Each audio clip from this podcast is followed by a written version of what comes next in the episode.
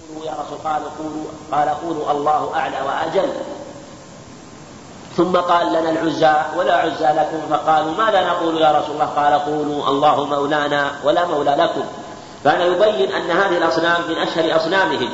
والله سبحانه وتعالى ذكر هذه هذه الأصنام لأنها كانت أصناما متفرقة على الجاهلية في مكة والمدينة والطائف وإلا فيه أصنام أخرى لكن هذه من أشهرها.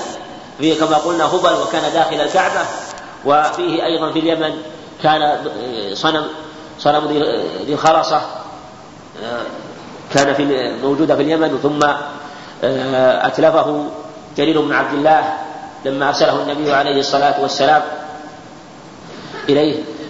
وهكذا هذه الأصنام أيضا لما فتحت مكة أرسل لها عليه الصلاة والسلام من يتلفها أرسل خالدا إلى العزى حتى أتلفها وقتل آه، الشيطان التي نشرت شعرها وكانت خرجت من العزى.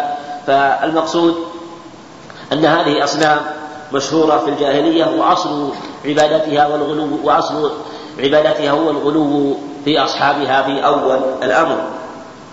وكذا قال أبو الجوزاء عن ابن عباس كان يلت السويق للحاج.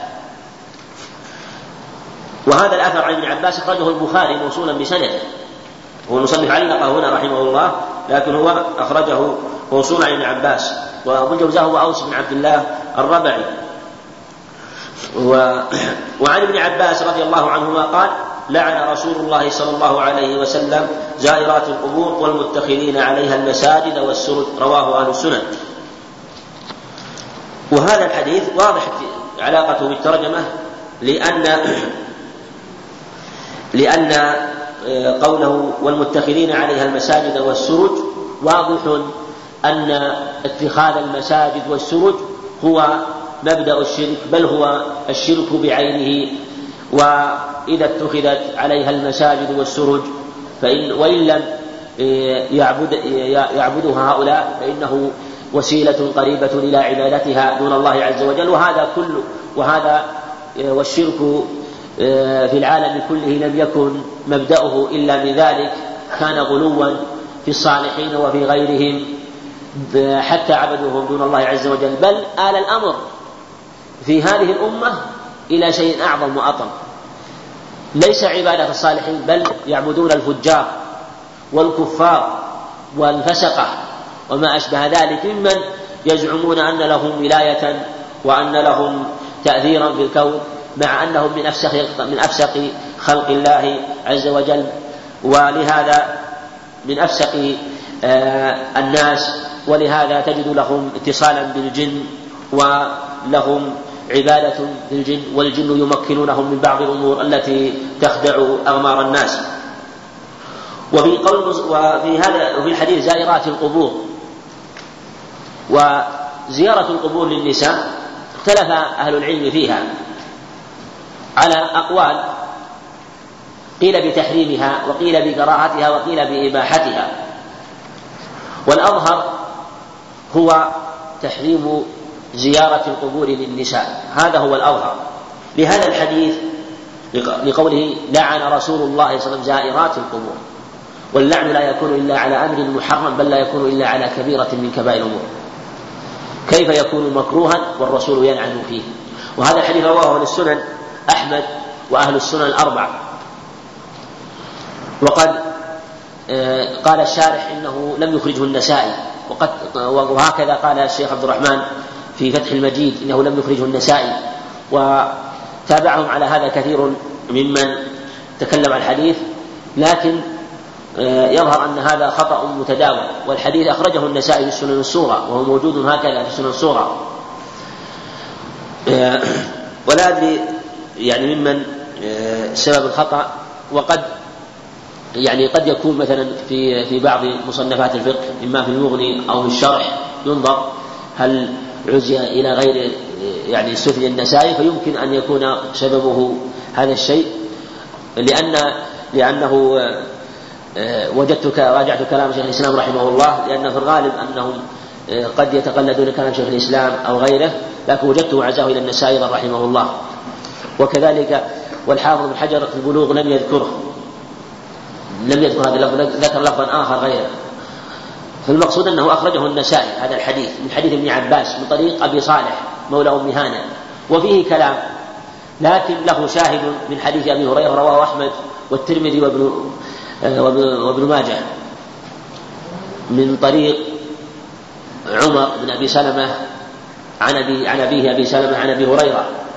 وله شاهد ثالث أيضا عند أحمد وابن ماجه من رواية حسان بن ثابت من طريق عبد الرحمن بن بهمان بن بهمان المدني عن عبد الرحمن بن حسان بن ثابت عن أبيه.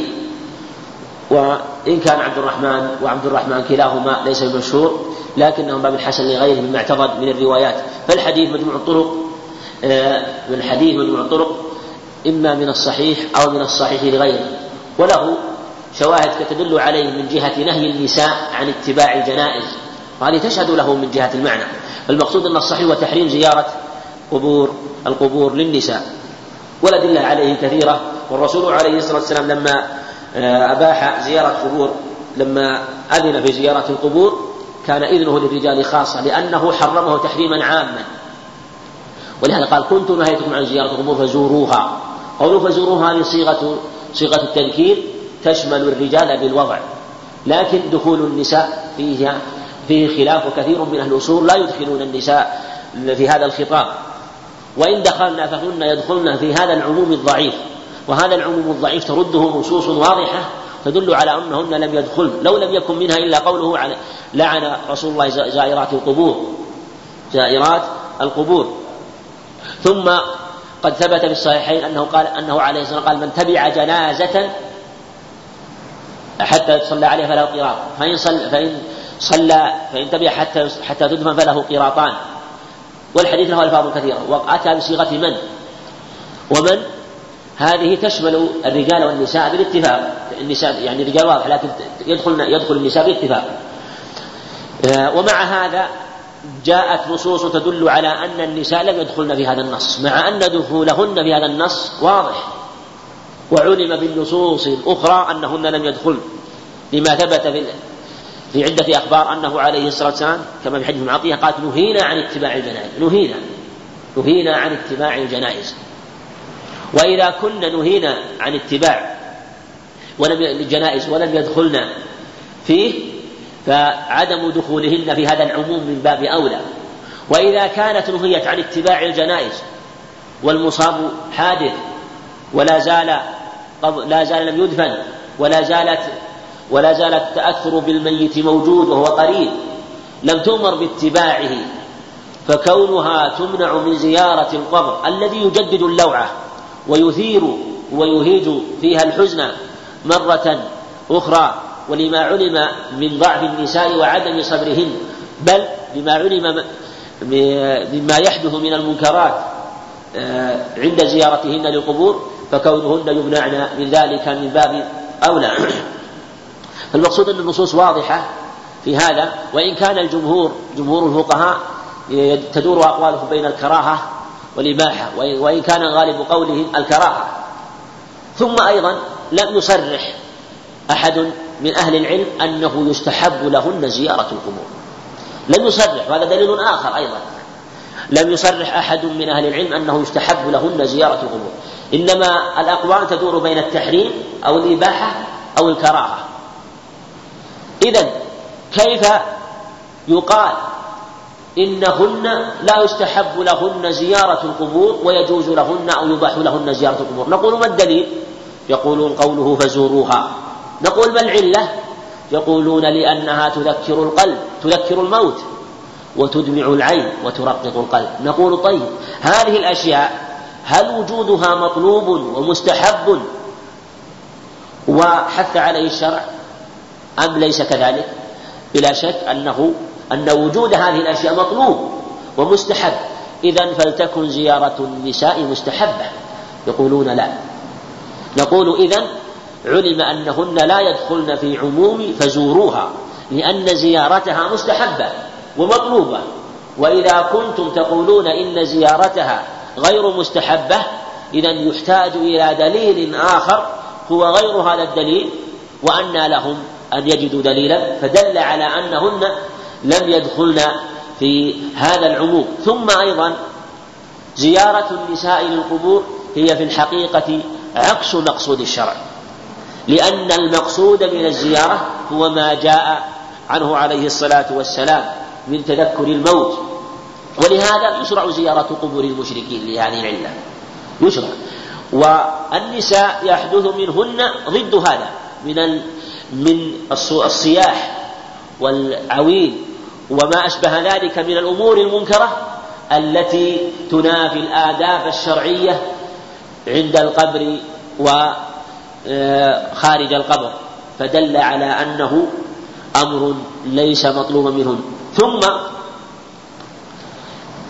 إذا قيل إنه إن إن النساء بحاجة إلى أن يتذكرن الموت والقبور لهن فيهن عبرة. ونحن لا ندري المرأة قد تتعب وقد وقد يحصل منها عويل وصياح وقد لا يحصل ما ندري. فنقول إذا كان الأمر كذلك فيمنعنا لأنه إذا كانت العلة الحكمة إذا كانت الحكمة المطلوبة من الشرع لا تعلم أو إذا فإنه يسد الباب. ولهذا علقه الشرع بالعلة وهو تذكر الموت وترقيق القلب ودمع العين. وهذا أمر لا يكاد ينضبط في حق النساء بل قد يخرجن إلى ضد ذلك. وقاعدة الشرع أن الحكمة إذا كانت خفية أو منتشرة ألا يعلق عليها الحكم. إذا كانت الحكمة خفية أو منتشرة لا يعلق الحكم عليها إنما يعلق بمظنتها ولهذا أحكام الشرع معلقة بالعلل لا بالأحكام لأن الأحكام لا تكاد تعلم أو الأحكام لا تكاد تنضبط. ولهذا حرم الخلوة بالأجنبية. لماذا؟ حرم الخلوة بالأجنبية. وإن والخلوة بالأجنبية وتحريمها لأنه وسيلة إلى أمور محرمة. ثم لو خلا بالأجنبية قد يحصل منها أمر محرم وقد لا يحصل. يقول الإنسان هذا يخلو بالأجنبية لكن مع ذلك لا يحصل منها أي أمر محرم. نقول هذه هذه هي الحكمة وهذا أمر خفي لا يكاد يعلم. ولهذا الشرع علقها بمظنة الحكمة التي نهى عنها. ولأن الخلوة هي مظنة لما نهى عنه الشرع فحرمها. كذلك انظر إلى إلى قصر الصلاة. علقه بالسفر. ما علقه بالمشقة. علقه بالسفر. إنسان قال أسافر أنا لا أجد مشقة. أليست الحكمة في الأصل هي المشقة على المسافر والتخفيف عليه؟ أليس كذلك؟ كذلك آه، الصوم الفطر للمسافر في الصوم. نقول نعم هذه هي الحكمة. لكن الشرع لم يعلقها بالحكمة لأن هذه الحكمة خفية. خفية لا تعلم. قد توجد عند شخص وقد توجد ولا ولا توجد عند شخص. إنسان قد يكون في حال سفره مترفها أكثر منه في حال إقامته. وإنسان يكون بالعكس. إنسان يجد مشقة شديدة. إنسان لا يجد أي مشقة. يختلف تختلف أحوال الناس في ذلك. ولهذا نقول من حكمة الشرع في هذه الأمور أنه لم يعلقها بالحكمة. إنما علقها بمظنتها يعني مظنة الحصول. ويعبر بعض الأصوليين أنه علقها بالمظنة ولم يعلقها بالمئنة لأن المئنة هي حقيقة الشيء وهي الحكمة المئنة هي الحكمة. وإنما علقها بمظنة الحكمة وهي العلة ولهذا علق قصر الصلاة بالسفر سواء وجدت مشقة أم لم توجد مشقة. فهكذا في مسألة زيارة النساء للقبور نقول لأنها لما كانت مظنة مظنة لوجود شيء من المنكرات المحرمة حرمها الشرع. وإن كان لا يقع من بعض النساء شيء أو بعض النساء يقع منهن شيء يسير ليس محرما ولا مكروها نقول لأن هذا أمر غير منضبط. ولهذا سد الشرع الباب في هذا ومنعهن من زيارة القبور مطلقا والله أعلم. نعم.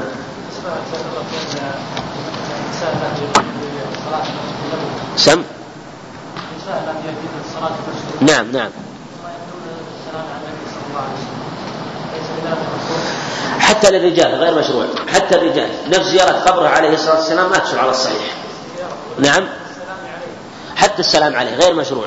وإن كان قال به جمع من أهل العلم هذا غاية غاية ما يكون يكون مباح. وإلا المشروع هو الصلاة عليه عند دخولك المسجد. هذا هو المشروع. كما تصلي عليه إذا دخلت أي مسجد. أما أما نفس نفس قصد قبره غير مشروع أصلا. لا لا للرجال وللنساء الأمر في حقهن أشد. واضح. لكن آه، جمهور الفقهاء على أن هذا طبعا لهم أقوال كثيرة بل منهم من يرى شد الرحل إليه. لكن نقول الأقوال المحققة في هذا آه، المشهور عند في مذهب آه، وإن كان قال بعضهم أنه يشد له الرحل لكن قال جمع منهم أنه لا بأس بزيارة بزيارته والسلام عليه اتباعا لابن عمر رضي الله عنه. وهذا الذي فعله عبد الله بن عمر لم يفعله أحد من الصحابة غيره رضي الله عنه. لم يفعله أحد. وابن عمر رضي الله عنه لم يكن يزور قبره دائما إنما يزوره إذا أراد السفر وإذا قدم من السفر. إذا كان إذا قدم من السفر قدم المسجد وصلى به ثم أتى إلى قبره عليه الصلاة والسلام. ثم قال السلام عليك يا رسول الله السلام عليك يا بكر السلام عليك يا أبت أو على أو يا عمر. هكذا كان يفعل. ولم يكن يقف ولم يكن يفعل شيئا آخر غير ذلك. وسائر الصحابة لم ينقل عنهم أنهم وافقوه. وهكذا في عهد أبي بكر وفي عهد عمر فجمهور الصحابة على خلافه وهم أعلم منه وأفقه منه وأعلم بالسنة منه رضي الله عنه. ولهذا عبيد الله بن عمر بن حفص بن عاصم الفقيه في زمانه ذكر أن عبد أن أن ابن عمر أن عبد الله بن جده عبد الله بن عمر تفرد بهذا وأنه لم يفعله غيره من الصحابة رضي الله عنهم. فلهذا السنة لك إذا دخلت المسجد أن تسلم عليه عليه الصلاة والسلام. وأن تقصد وتصلي ركعتين وانتهى الأمر. صلاتك عليه عند دخول المسجد أفضل من زيارة والسلام عليه. يعني إذا ذهبت إلى المدينة. بل بل سلامك عليه عند دخول المسجد في أي مسجد مساجد الدنيا أفضل من السلام عليه عند القبر. لماذا؟ لأن السلام عليه عند القبر هل هو خاص به أو عام لجميع المؤمنين؟ زيارة القبور مشروعة. يشرع لك أن تزور القبر وأن تسلم. ويشرع لك أن تزور القبر لهذه العلل. أما ولأجل هذا صار هذا أمرا مشتركا بينه وبين عموم المؤمنين عليه الصلاة والسلام. أما السلام عليه هذا خاص به. السلام عليه عند دخول المسجد خاص به والسلام وعند الخروج منه. ولهذا اختلف أهل العلم في في في, الصلاة والسلام في الصلاة والسلام على غيره إذا ذكر. أما عند دخول المسجد فهذا خاص به عليه الصلاة والسلام وكذلك عند الخروج من المسجد. هذه فضيلة له وهي بلا شك أفضل من السلام عليه عند القبر. نعم.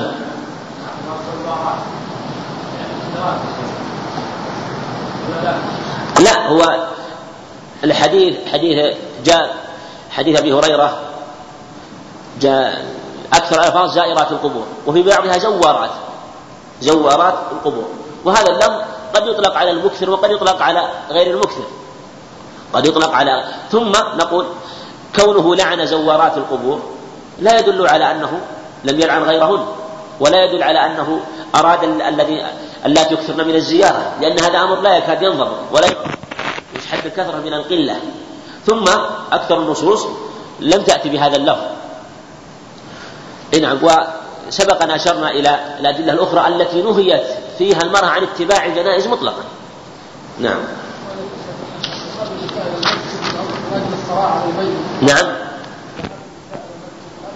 لا ما تتبع. ما تتبع. ما تتبع. مثل ما قال نهينا عن اتباع الجنائز. إذا كانت تنهى عنه عن إذا كانت تنهى عن عن الذهاب إليه إلى المقبرة بعد ذلك يعني إلى المقام بعد ذلك بعد بعد خفة المصيبة وبعد زمن طويل فكونها تنهى عن اتباعها في حال حدوث المصيبة بأولى. أولى وإن كان قال بعض أهل العلم أن هذا لا بأس به وأن قال نهينا عن اتباع الجنائز ولم يعزم علينا وقالوا إنهم معطيقات ولم يعزم علينا فدل على أنه لم يحرم. نقول هذا أولا لا دلالة فيه لأن قوله ولم يعزم علينا لا يدل على على أنه لم يحرم. قد يكون مرادها أنها أرادت ولم يؤكد في النهي هو منهي محرم لكن لم يبالغ في تحريمه. أو يقال وهو أظهر إنها لم تشهد العزيمة وشهد العزيمة غيرها وبين أنهن منهيات عن اتباع الجنائز مطلقا.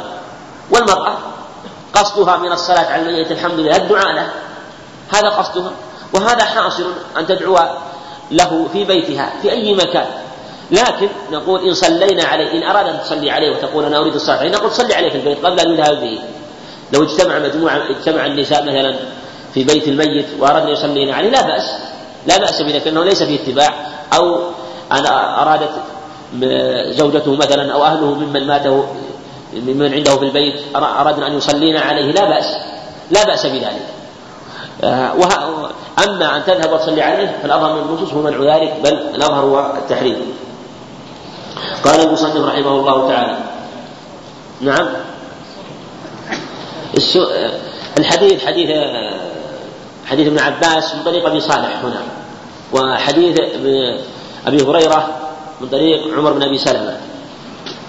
لفظ الزائرات أو الزوارات ثابت. أما السرج هي جاءت في هذا حديث ابن عباس وانفرد بها أبو صالح مولى أم هانئ. لكن حديث لا اللهم لا تجعل قبري وهي شد غضب الله على قوم اتخذوا انبياء المساجد عندك هذه اللفظه كلمه السرج الاظهر والله اعلم ان ان لها شواهد من جهه المعنى لأن المعنى يدل عليه ويظهر والله اعلم انها تكون من باب الحسن أنا ما ادري عن يعني هل لها شواهد باللفظ تماما ما ادري عن هذا هل ورد يعني النهي عن اتخاذ السروج في غيرها ما ادري لكن الاظهر انها ثابته من جهه المعنى لما دل على من اللعن والأحاديث الصحيحة المتواترة في النهي عن اتخاذ القبور مساجد وتعظيمها لأن اتخاذ السروج عليها لا يكون إلا لأجل تعظيمها ولأجل الصلاة عندها أو الدعاء عندها وهذا أمر علم تحريمه من الشرع سواء صحت هذه اللفظة ام لم تصح. لكن خصوص هذه اللفظة يظهر أنها ثابتة من جهة المعنى وأن تلك الأحاديث تشهد لها. باب ما جاء في حماية المصطفى صلى الله عليه وسلم جناب التوحيد وسده كل طريق يوصل إلى الشرك. المصنف رحمه الله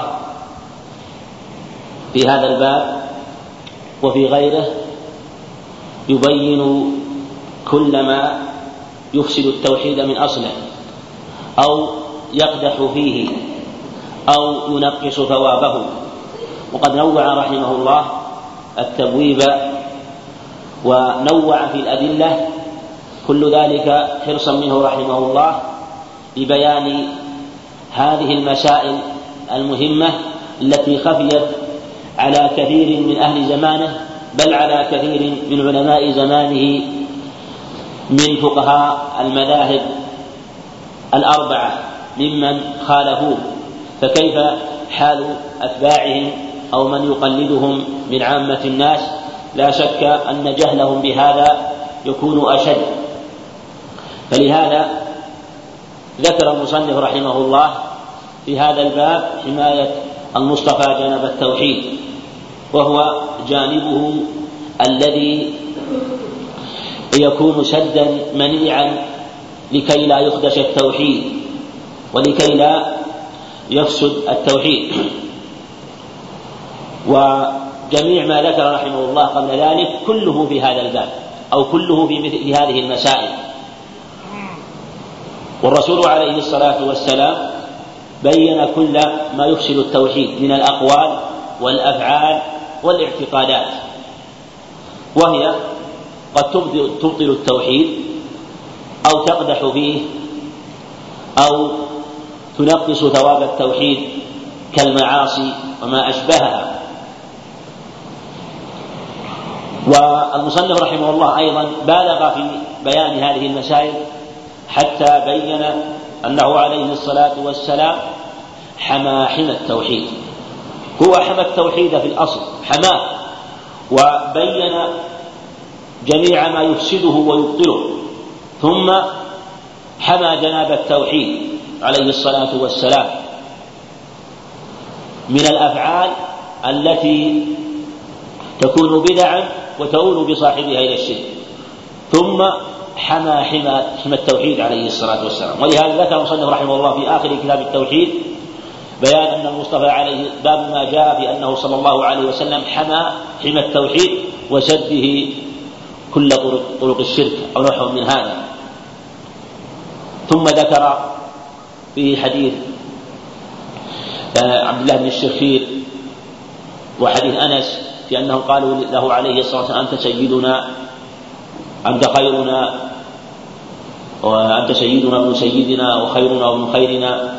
فقال عليه الصلاة والسلام قولوا بعض قولكم لا يستجرينكم الشيطان. والمصنف رحمه الله ذكر في هذا الباب مسألة تتعلق بما يقدح في التوحيد وهي بعض الأفعال التي هي بدع. وإن لم تكن شركا أكبر لكنها تؤول بصاحبها في الغالب إلى الغلو الذي يكون منه عبادة من غلا فيه وجعل وجعله صنما أو ندا دون الله سبحانه وتعالى. ولهذا ذكر قول الله تعالى لقد جاءكم رسول من أنفسكم عزيز عليه ما عنتم حريص عليكم بالمؤمنين رؤوف رحيم عليه الصلاة والسلام. بين أنه عليه الصلاة والسلام حرص كل الحرص أو بين قبل ذلك أن هذا أنه سبحانه وتعالى أرسل إلينا رسولا من أنفسنا من صميم العرض يعرفون نسبه. ويعرفون مكانة عليه الصلاة والسلام ويعرفون لغته. ليس غريبا عليكم ويعرفون كثيرا من أمور وأخباره عليه الصلاة والسلام. عزيز عليه ما عنتم يعني يعني أنه يشق عليه عليه الصلاة والسلام ويثقل عليه عنتكم. ما هذه مصدرية تؤول مع ما بعدها بمصدر. ما عنتم يعني عنتكم يعني أن عنتكم وهو التعب وهو آه، ما يكون فيه المشقة عليكم. يعز عليه عليه الصلاة والسلام ويثقل عليه لأنه فيه قد يكون فيه آه، عذابكم في الآخرة بارتكاب المعاصي إن لم يعفى عنكم أو قد يكون فيه آه، عذابكم السرمدي لمن كفر وأشرك بالغلو فيه عليه الصلاة والسلام أو بغيره أو بارتكاب كثير من المكفرات وما أشبه ذلك فهو عليه الصلاة والسلام يشق عليه ذلك. ولهذا يحرص كل الحرص أن تسلكوا السبل التي تجنبكم كل طرق, طرق الشرك. عزيز عليه ما عليكم حريص عليكم.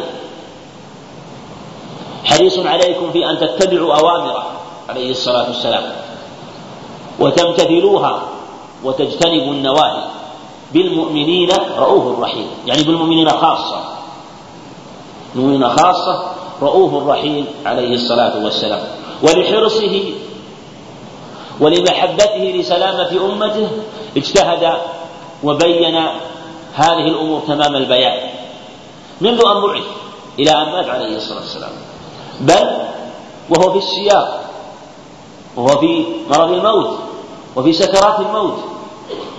وما فيه وما هو مشغول به من الأمور العظيمة في ذلك المقام العظيم. مع هذا يقول لعنة الله على اليهود والنصارى اتخذوا قبور أنبيائهم مساجد. لم يغفل عليه الصلاة والسلام عن هذا. في مثل هذا المقام العظيم. الذي يشغل عنه يشغل فيه الإنسان عن كل شيء. ومع هذا لم يكن شغله إلا أن يبين هذا الأمر. لأنه علم أن هذه أن الغلو في الصالحين وقع في من قبلنا حتى آل بهم الأمر إلى الشرك الأكبر فحذر قبل وفاته بمدة يسيرة وحذر عليه الصلاة والسلام وهو في السياق من ذلك وبين قبل ذلك الطرق الموصلة إليه من الأقوال والأفعال. ثم ذكر المصنف رحمه الله حديث أبي هريرة أنه عليه الصلاة والسلام قال لا تجعلوا بيوتكم قبورا. لا تجعلوا بيوتكم قبورا. ولا تجعلوا قبري عيدا صلوا علي فإن صلاتكم تبلغني حيث كنتم. لا تجعلوا بيوتكم قبورا ولا تجعلوا قبري عيدا وصلوا علي فإن صلاتكم تبلغني حيث كنتم. وقوله عليه الصلاة والسلام لا تجعلوا بيوتكم قبورا هذا المعنى ثبت معناه في الصحيحين عن ابن عمر أنه عليه الصلاة والسلام قال صلوا في بيوتكم ولا تجعلوها قبورا. أو اجعلوا من صلاتكم في بيوتكم ولا تجعلوها قبورا. وفي لفظ عند مسلم أنه عليه الصلاة والسلام أمر بقراءة سورة البقرة وأخبر أن البيت الذي لا يتقرأ أن البيت الذي لا تقرأ فيه سورة البقرة أنه كالمقبرة أو قال لا تجعلوا بيوتكم قبورا وأمر بقراءة سورة البقرة وغيرها من كتاب الله عز وجل. لا تجعلوا بيوتكم قبورا. نهي نهي. ولهذا يفهم من هذا أن القبور لا تجوز الصلاة عندها. ولا يجوز الدعاء عندها بمعنى أن تقصد الدعاء في هذا المكان. لأنها ليست محلا للدعاء. لا تجعلوا بيوتكم قبورا لأن القبور ليست محلا للصلاة وليست محلا للدعاء. وهذا أجمع عليه أهل العلم.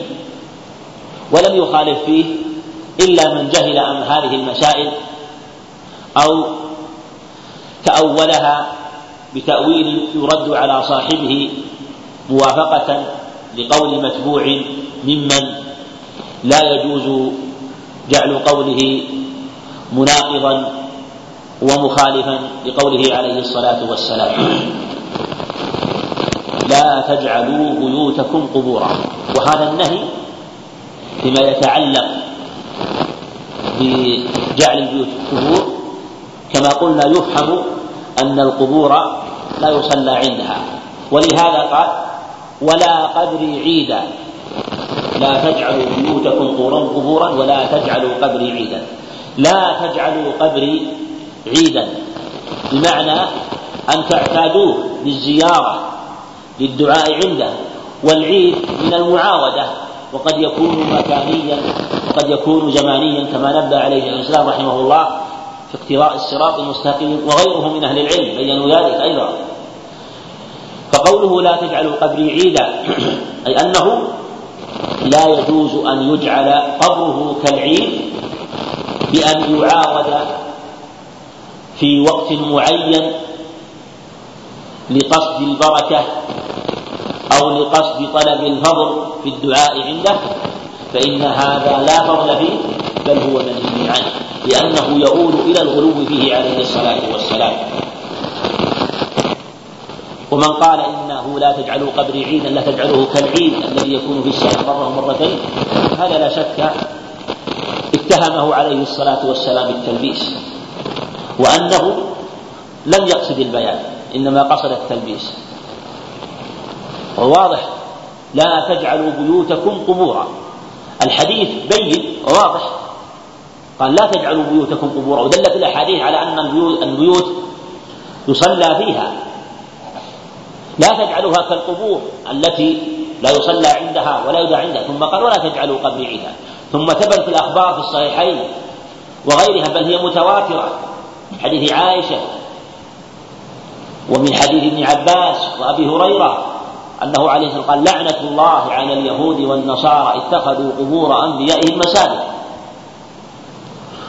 وفي حديث في الحديث الثاني مسلم اتخذوا قبور أنبيائهم وصالحيهم مساجد. فالأخبار كثيرة ومتواترة في هذا المعنى. لكن من عميت بصيرته ومن عمي قلبه فإنه لا يبالي أن يرد النصوص وأن وأن يبطلها وأن يحرفها لا يبالي. وهذا ليس مستغربا ممن كان على هذا هذه الطريقة فإنه لا ينظر إلى تلك الأخبار الصريحة الواضحة في منع هذا الأمر وأنه لا يجوز. وصلوا علي فإن صلاتكم تبلغني حيث كنتم الصلاة عليه عليه الصلاة والسلام من أفضل الأعمال. والصلاة عليه في كل حال. يصلى عليه عليه الصلاة والسلام. ويتأكد عند ذكره ذكره عليه الصلاة والسلام. يا أيها الذين آمنوا صلوا عليه وسلموا تسليما. إن الله إن الله وملائكته يصلون عليه. يا أيها الذين صلوا عليه وسلموا تسليما. أمر عام بالصلاة والسلام عليه عليه الصلاة والسلام. لكنه يتأكد في بعض المواضع. وهذا يبين أن الصلاة عليه في أي مكان تبلغه وهذا وجه وهذا المعنى واضح. تبلغني حيث كنت في أي مكان كنت في الشرق في الغرب بعيدين مني قريبين مني فإنها تبلغني. تبلغه. ولهذا في حديث مسعود إن لله ملائكة سياحين يبلغوني عن أمة السلام عليه الصلاة والسلام. فهذا يبين لك فضل الصلاة. وقد ثبت في صحيح مسلم من حديث عبد الله بن عمرو وفي صحيح مسلم عن أبي هريرة أنه عليه الصلاة عليه الصلاة والسلام قال من صلى علي صلاة واحدة صلى الله عليه بها عشرا والصلاة عليه من أفضل الأعمال عليه الصلاة والسلام. قال رواه أبو داود بإسناد حسن ورواته ثقات.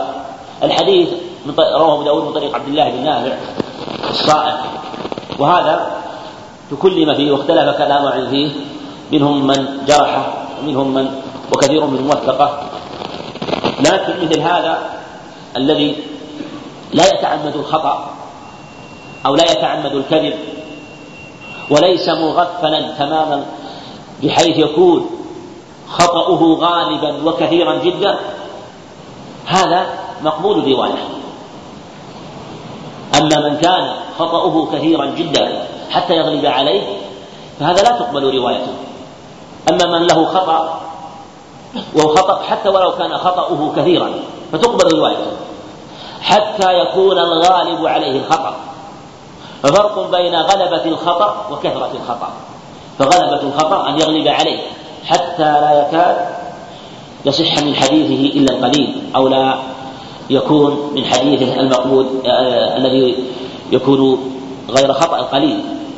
فهذا لا يقبل ويكون ضعيفا. أما لو كان كثير الخطأ له خطأ كثير فإن هذا يقبل حتى يعلم خطأه. أما من كان له خطأ وهو قليل هذا يقبل باتفاق. ولأجل هذا لم يسلم أحد من أهل العلم.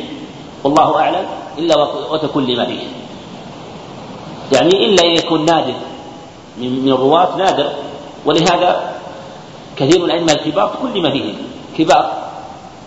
وقد يكون الكلام على وجه مقبول وقد يكون غير مقبول. المقصود أن هذا روايته مقبولة وبالجملة هذا الحديث محفوظ ومعروف من طرق وله الشاهد الثاني الذي ذكره المصنف رحمه الله طريق الحسين بن علي رضي الله عنه.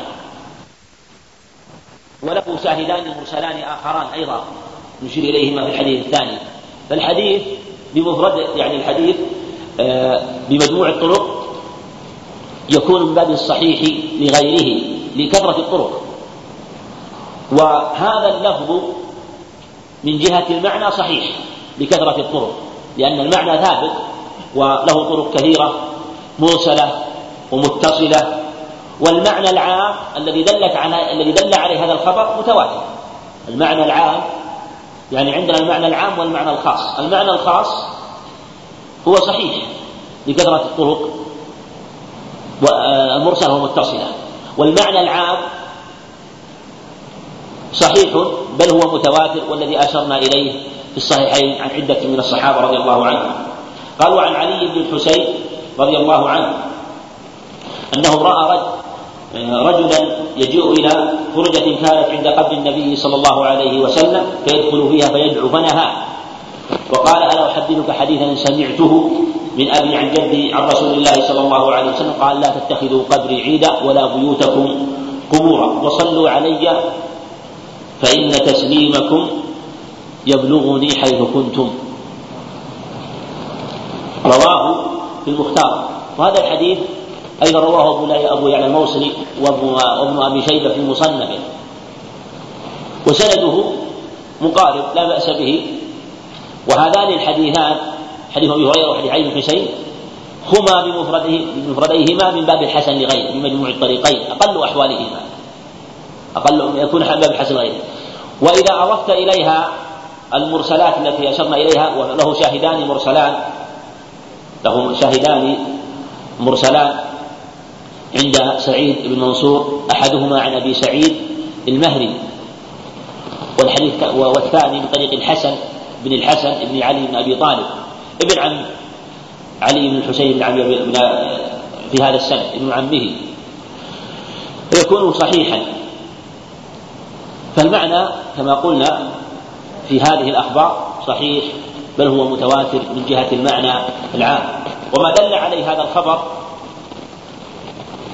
هو ما دل عليه الخبر الذي قبله بأنه عليه الصلاة قال لا لا تتخذوا قبري عيدا. وأنه لا يجوز أن يجعل قبره عيدا يعاود بالزيارة والمجيء. وهذا في حجة في النهي عن زيارة قبره عليه الصلاة والسلام والمجيء إليه وأنه لا يقصد. بل كما سبق لا يمكن زيارة قبره عليه الصلاة والسلام. الآن لا يمكن ومنذ دهر طويل وزمن طويل لا يمكن أن يقصد منذ أن بني عليه وسد باب الحجرة كأن هذا الرجل في وقته قال أنه جاء إلى فرجة كأنها إما باب أو آه، مثل آه، رحمك الله الفرجة الصغيرة التي يدخل إلى الغرفة فيها. ثم بعد ذلك بنيت الغرفة وسدت ولم يكد ولا أحد يستطيع الوصول إلى قبره عليه الصلاة والسلام.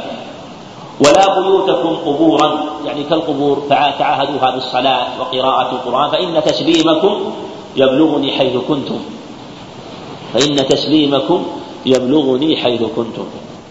وهذه اللفظة تسليمكم يبلغني حيث كنتم في هذا بهذه الرواية جيدة لأن لها أيضا شواهد من جهة المعنى ويدل عليه حديث مسعود في عند النسائي بإسناد صحيح إن لله ملائكة يبلغوني عن أمة السلام. إن لله ملائكة سياحين يبلغوني عن أمتي السلام عليه الصلاة والسلام. وهذا يبين لك أن قصد قدره للسلام عليه غير مشروع. هذا سبق أن أشرنا إليه قبل في درس في الدرس الماضي. نعم أن قلنا إنه لا يقصد قبره عليه الصلاة والسلام وأنه لا تشرع زيارته إلا ما جاء عن ابن عمر رضي الله عنهما. وهذه المسألة فيها خلاف بين أهل العلم. جمهور الفقهاء وهو المشهور عن أحمد رحمه الله وعن مالك وكذلك قاله أبو داود صاحب السنة رحمه الله وهو ظاهر قول جماهير الفقهاء أنها تشرع زيارة قبره. تشرع كسائر القبور. واحتجوا بحديث أبي هريرة أنه عليه الصلاة والسلام قال ما من أحد يسلم علي إلا رد الله علي روحي حتى أرد عليه السلام. وهذا هو الذي احتجوا به في هذه المسألة. وأنه لا يكون المراد بهذا الحديث إلا المجيء عند قبره. لأن قالوا هذا هو المفهوم لأن الصلاة عليه والسلام مشروعان في كل مكان. فكونه قال في هذا الحديث إلا رد الله علي روحي لابد أن فيه آه، معنى مقدرا آه، لابد أن يكون أن يكون أراد معنى خاصا أو مكانا خاصا وهو عند قبره عليه الصلاة والسلام. وإلا الصلاة والسلام عليه مشروعان في كل مكان وفي كل زمان لا لا يخص شيء من ذلك. ففهموا أن هذا من هذا الحديث مشروعية زيارة قبر عليه الصلاة والسلام وأنه يزار كسائر قبور المؤمنين. وهذا الحديث فيه ثبوت نظر. لا من جهة المعنى ولا من جهة السند. معناه الله أعلم ولأجل هذا اختلف في معناه كثيرا. معنى هذا الحديث والراوي له رجل يقال له حميد بن زياد الخراق وإن كان له روايات كثيرة وروى له جمع من العلم لكن له أخطاء وتكلم فيه كثير من أهل العلم. وهذا المعنى الذي جاء به ذلك هذا الرجل لا يعرف إلا من طريقه. وهذا مما ينبغي أن يتوقف فيه ولا يستعجل بقبوله. لأنه معنى عظيم ومعنى مهم يحتاج إلى أن يكون ثابتا من غير ذلك من غير طريق ذلك الرجل. ثم هذا المعنى أو زيارة قبره عليه الصلاة والسلام كانت معروفة في عهد عائشة رضي الله عنها. في عهد عائشة رضي الله عنها. ولو كان هذا الحديث معروفا لهم لكان مشتهرا. لأنه يفرق بين زيارته عند قبره عليه الصلاة والسلام بالسلام عليه وبين السلام عليه بالصلاة أو السلام عليه عند دخول المسجد. هذا من جهة سنده وعلى تسليم سلامته فإنه لا حجة فيه في مشروعية زيارة قبره عليه الصلاة والسلام.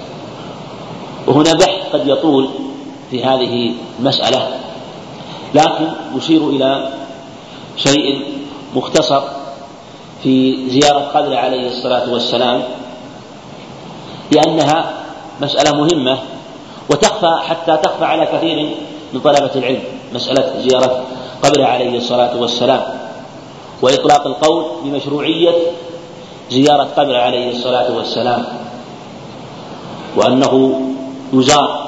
ولهذا كثير من الناس يستشكل ويقول كيف لا يزار وقبور غيره من أهل الإيمان تزار؟ فمن جهة المعنى هذا الحديث قلنا في ثبوت نظر. ولو ثبت ولو ثبت فلا حجة فيه بمشروعية زيارة قبره عليه الصلاة والسلام.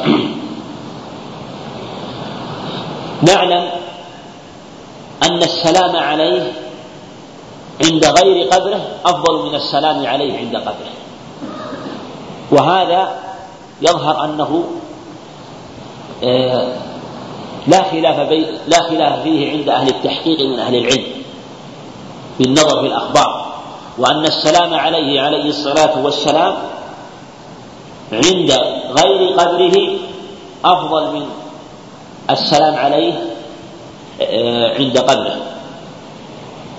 مثل السلام عليه عند الدخول إلى المسجد أي مسجد كان؟ سواء كان مسجده عليه الصلاة والسلام وهو أفضل أو سائر مساجد الدنيا. أو السلام عليه في الصلاة لأن هذا المعنى متفق عليه وصحت به الأخبار عنه عليه الصلاة والسلام. ثم أيضا هذا السلام خاص به عليه الصلاة والسلام خاص به دون غيره لا يشركه به أحد. ولهذا لا يشرع السلام في أماكن مخصوصة إلا له عليه الصلاة والسلام مثل السلام عليه. وهو يشرع في موضعين في الحقيقة يشرع في موضعين عند الدخول إلى المسجد والخروج منه أو في ثلاثة. عند الدخول المسجد إن جعلته موضعين والخروج يعني الدخول موضع والخروج موضع والسلام عليه في الصلاة. في هذين الموضعين يشرعان بلا خلاف. وهذا وهذا خاص به دون غيره عليه الصلاة والسلام. أما السلام عليه عند القبر فليس خاصا به. السلام عند القبر ليس خاصا به. والأمر الذي يختص به هو أفضل من الأمر الذي يشركه في غير فيه غيره من سائر المؤمنين.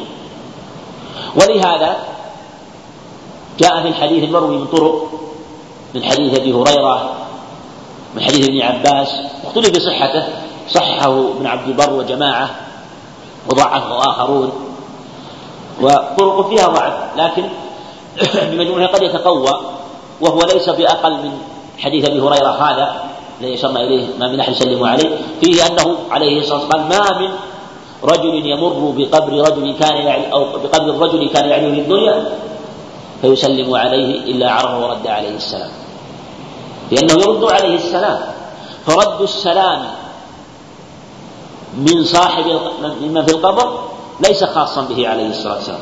بل سائر المؤمنين يردون السلام على من عرفوه من أهل الدنيا. فتبين أن هذا لا فضيلة فيه خاصة. ليس فيه فضيلة خاصة حتى يعقد على هذه الفضيلة ويعتقد فيها وأنها لها مزية وخصوصية. ولم يأتي فيها إلا أنه عليه قال ما من أحد يسلم عليه إلا رد الله عليه الروح حتى رد عليه السلام. وكونه يرد السلام ليس فيه فضل للمسلم عليه. الرسول عليه الصلاة والسلام كان يرد السلام في حياته على الكفار والمنافقين واليهود وأشباههم كان يرد عليهم السلام في حياته.